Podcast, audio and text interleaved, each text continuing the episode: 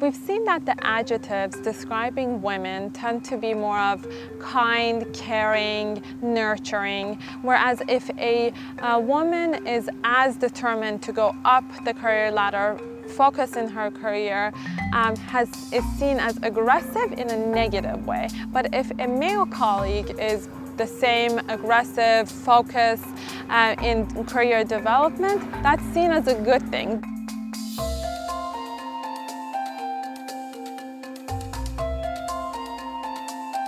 Today we're going to talk about the problem and the question of women in tech. And a lot of the things I'm, I'm going to mention today is from my own personal experience working in tech. There is a big lack of women in tech, but when we look at this question, when we peel the onion, there are several other questions that will help us figure out what is really going on. One of which is looking at the number of women in different levels. When we look at the entry level, more junior individual contributor roles, we see that women are as much present as women, or that gap is much smaller. However, when we move up the career ladder to manager, vice president, and executive roles, we see that, that the number of women drastically decreases and at some point it just disappears. And that case is much, much wider of an issue in the tech field and tech industry. Then the second layer, when we look at the different jobs and different teams, the jobs that are in STEM, so science, technology, math, and engineering, the lack of number of women becomes even more.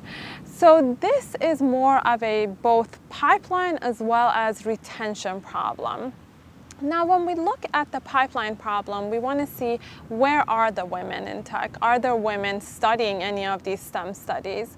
We see that about 25% of college recent graduates are um, women who study STEM uh, majors. And when we look at the year over year changes, we see that that number is actually starting to decline. So if you remember at the beginning I mentioned that there already is fewer number of women in tech, but then if we have fewer people entering these ma majors in colleges, that gap is going to become wider and wider.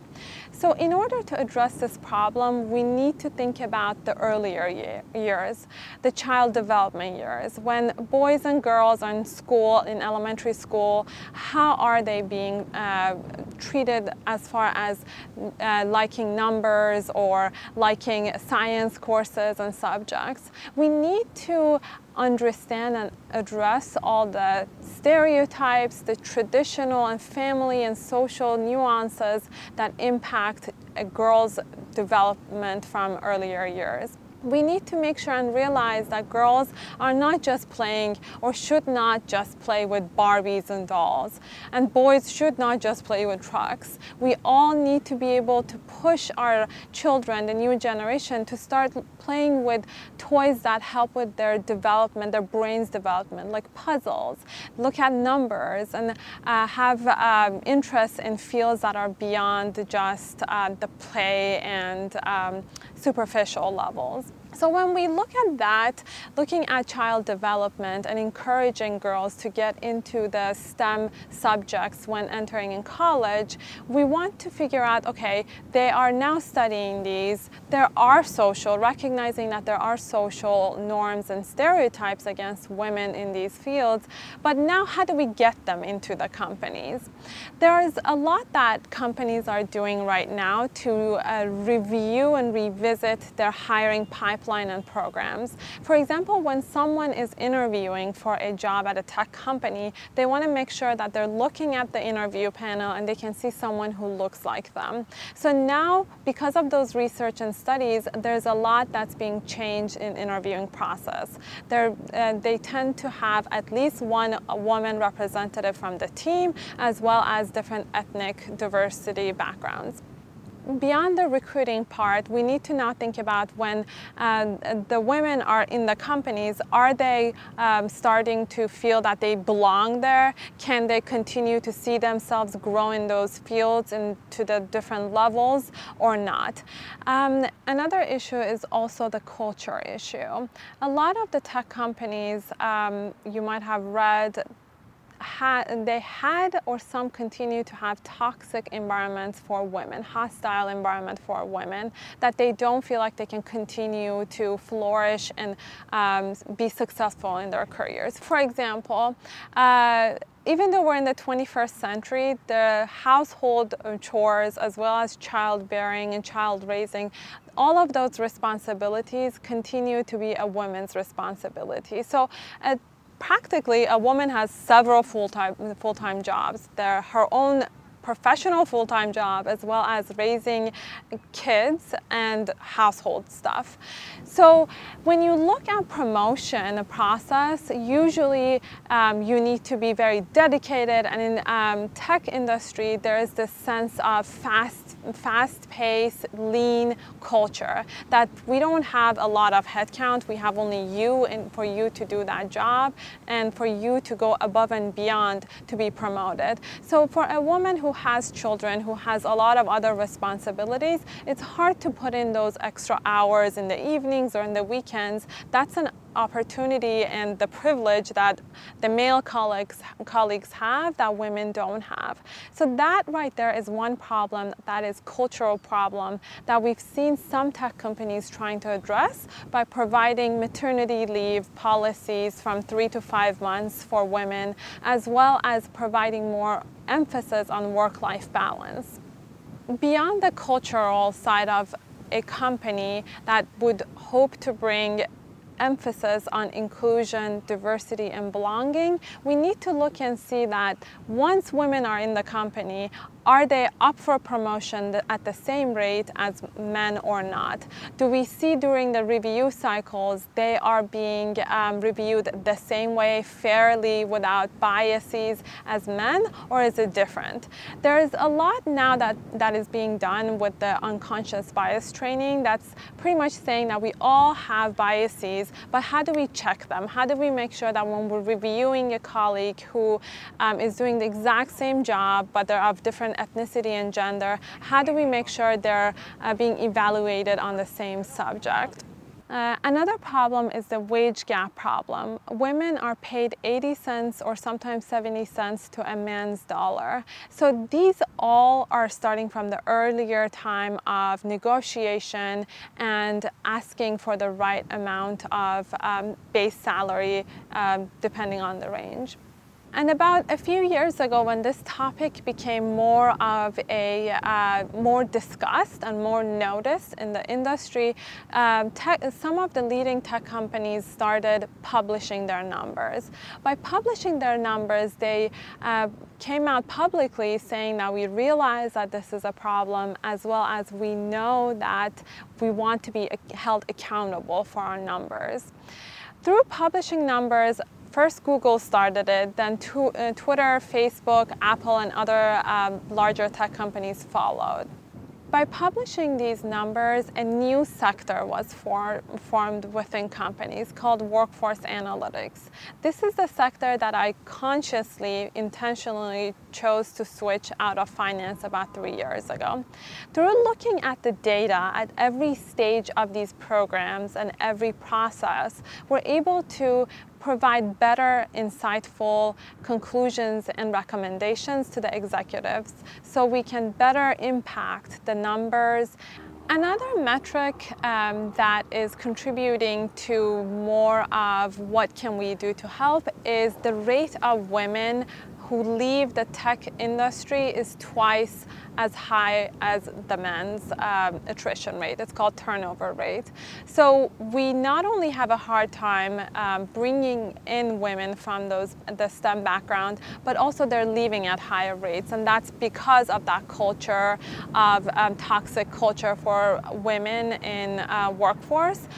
So for women, one other hurdle to jump through is the, inner, uh, the review process. In the review process, which is one done which is done once at the end of the year as well as sometimes in mid-year, that's when feedback is provided to employees and that's when you know who's up for promotion.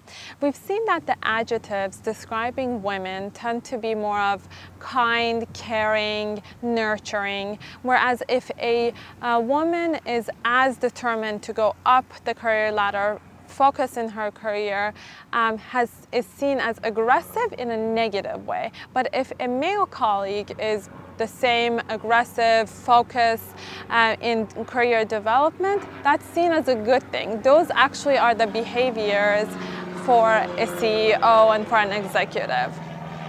So beyond looking at the pipeline, we want to make sure that the culture is an inclusive culture and a culture is not just formation of um, having a diversity and inclusion department. It's to make sure that we bake in all of these systems, checks and balances throughout all the stages. Now, when we look at solution, there tends to be two schools of thoughts in that. One of them is that we need to have a systematic approach to this problem. By that, we mean that this is great that companies are publishing their data, but what can they do about it? Can they come out and say that I have a target, I want to reach to a specific goal? That would help us to get closer to closing that gap that's becoming wider and wider. Some companies have done that, but some companies are just monitoring their data. Now the second part, the second approach is the lean in approach, which is coined by um, Sheryl Sandberg.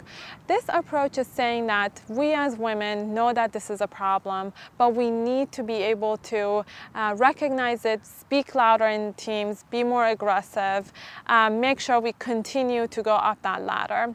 This puts the onus on women, whereas the first approach puts the onus on uh, the companies in my perspective and in general in practice, we see that the solution is pretty much the crossroad of these two um, schools of thoughts. We do need companies to recognize that this is a problem, that we need to build a culture of belonging and inclusion that's not just um, male dominated or female dominated. We need to have both because at the end of the day, these tech companies have products that are geared towards the consumer. The consumer, half of the population is female and the other half is male. So we need to have these diverse thoughts and processes in every um, aspect of the company, in every department, so we can later on provide uh, products that are beneficial to the entire population. Now, as uh, as a woman, as a woman in tech, um, I try to do,